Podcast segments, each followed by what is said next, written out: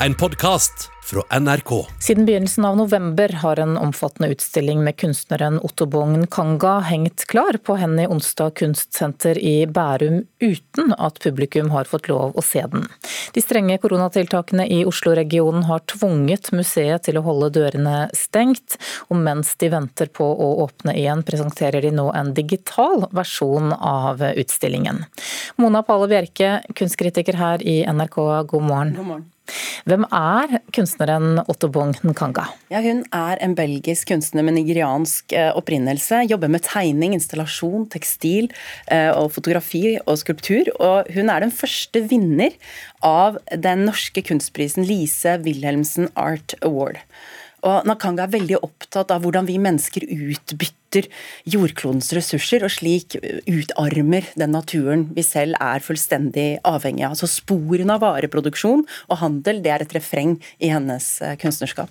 På hvilken måte tematiserer hun dette i kunsten sin? Ja, Et av de mest sterkeste uttrykkene for dette, denne tematikken, det er jo verket 'Anamnesis', eh, som er da en mørk, bred sprekk i veggen, som et, et dypt sår i den hvite museumsoverflaten.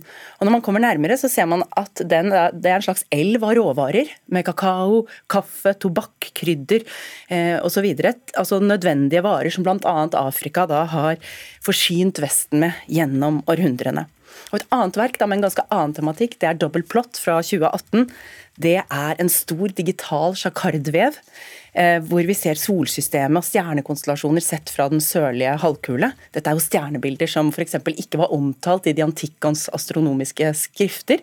Så dette er jo her beveger hun jo på dette at eh, virkeligheten har vært betraktet fra et vestlig utsynspunkt. Da. Men også i tillegg så er det tråder da, eh, og en hodeløs skikkelse og et stort tre. Og disse trådene holder fotografier som både er personlige erindringsbilder, men også opprør rundt om i verden, f.eks. opprørene på Tahrir-plassen i Kairo i 2011. Så her vever hun sammen kollektiv og personlig hukommelse. Ja, dette blir jo veldig politisk. Eh, har hun mm. også mer personlige verk der hun berører sin egen historie? Ja, absolutt. Altså, serien 'Filtered Memories' fra 2010 det handler om hennes egen biografi.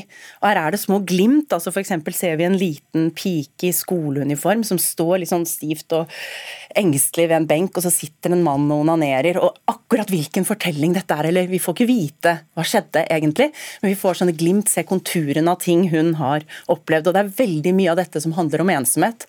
Kanskje ikke så rart, da, for da hun var 17 år, så brant familiehjemmet ned, og foreldrene hennes eh, døde.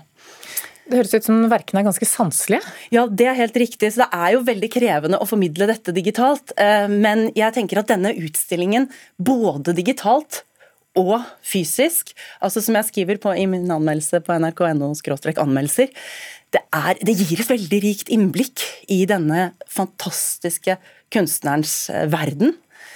Og så får vi håpe at den digitale utstillingen, som er veldig profesjonell og veldig informativ, først og fremst blir noe som vekker interesse, slik at folk oppsøker den fysiske utstillingen når den eh, tid kommer. Og vi må håpe at det skjer ganske snart eh, nå.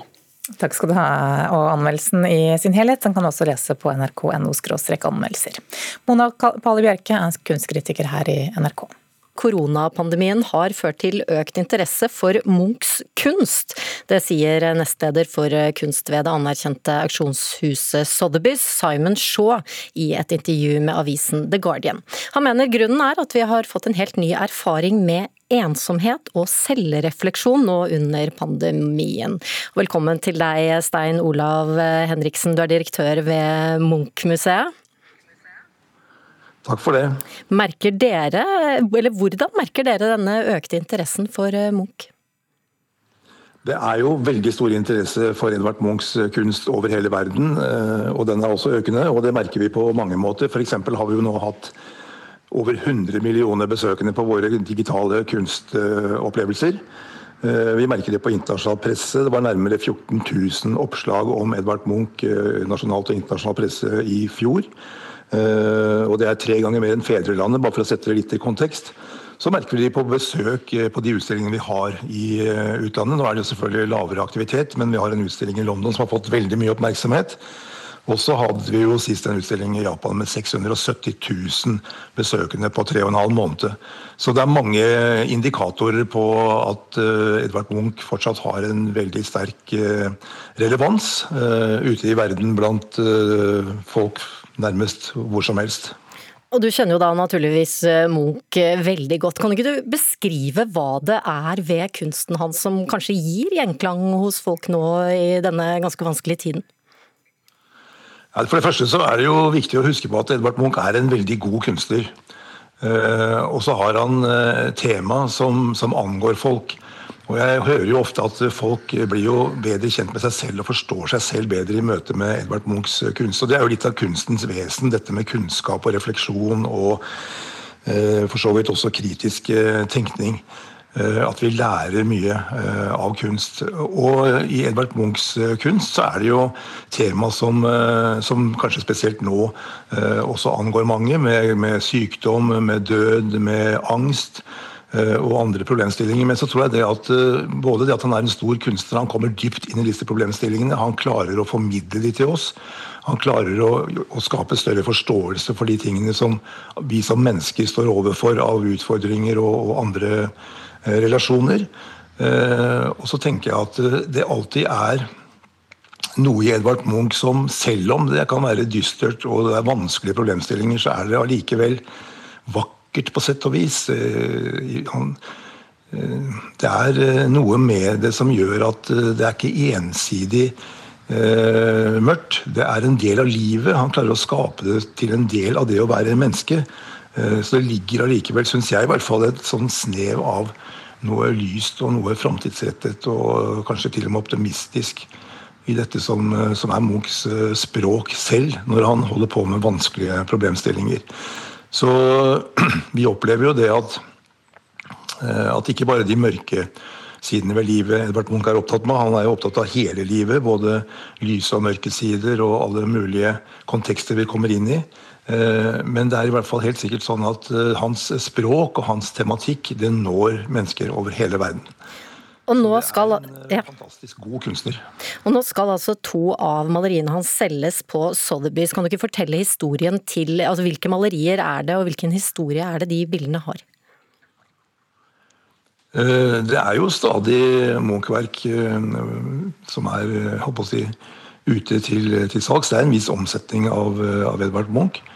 Eh, det som kommer eh, nå, er eh, to verk. Det ene er en del av en serie på fem verk, hvor, hvor vi på Munch-PC har de fire andre verkene. Så vi skulle selvfølgelig gjerne hatt det femte òg. Det heter 'Omfavnelse på, på, stranden' og er et helt fantastisk nydelig verk. Og ikke bare det, men det har også en sånn dobbeltbunn, nesten dobbel eksponering Eh, og veldig uttrykksfullt. Eh, fantastisk flott eh, verk. Det andre er et selvportrett fra 1926.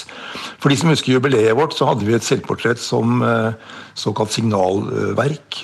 Som vi hadde på kataloger, på reklame, markedsføring osv. Og dette verket er laget, som skal nå selges, er laget omtrent på, på samme tid. Og det er en av de få verkene hvor Munch maler seg selv som kunstner. Det heter 'Selvportrett med palett', så han står da med palett og, og pensler. Eh, og er en eh, veldig selvbevisst, eh, eh moden eh, kunstner. Eh, bildet er fra Ekely. og det er også et veldig, veldig sterkt Munch-verk. Så det blir veldig spennende å se hva som skjer med disse verkene. Vi har jo ingenting med det kommersielle markedet å gjøre, men vi følger jo med på hvor verk er og vi låner jo verk fra Eh, private samlere når vi har utstillinger rundt omkring. Så, så vi følger jo med. Eh, og dette blir, eh, syns jeg, veldig spennende. Det er to viktige verk i Munchs katalog. Som faktisk også har vært eid av nazisten Herman Gøring, og de skal under hammeren på auksjonshuset Sotheby's i mars. Tusen takk til deg, direktør på ved Munch-museet, Stein Olav Henriksen. Du har hørt en podkast fra NRK. Hør flere podkaster og din favorittkanal i appen NRK Radio.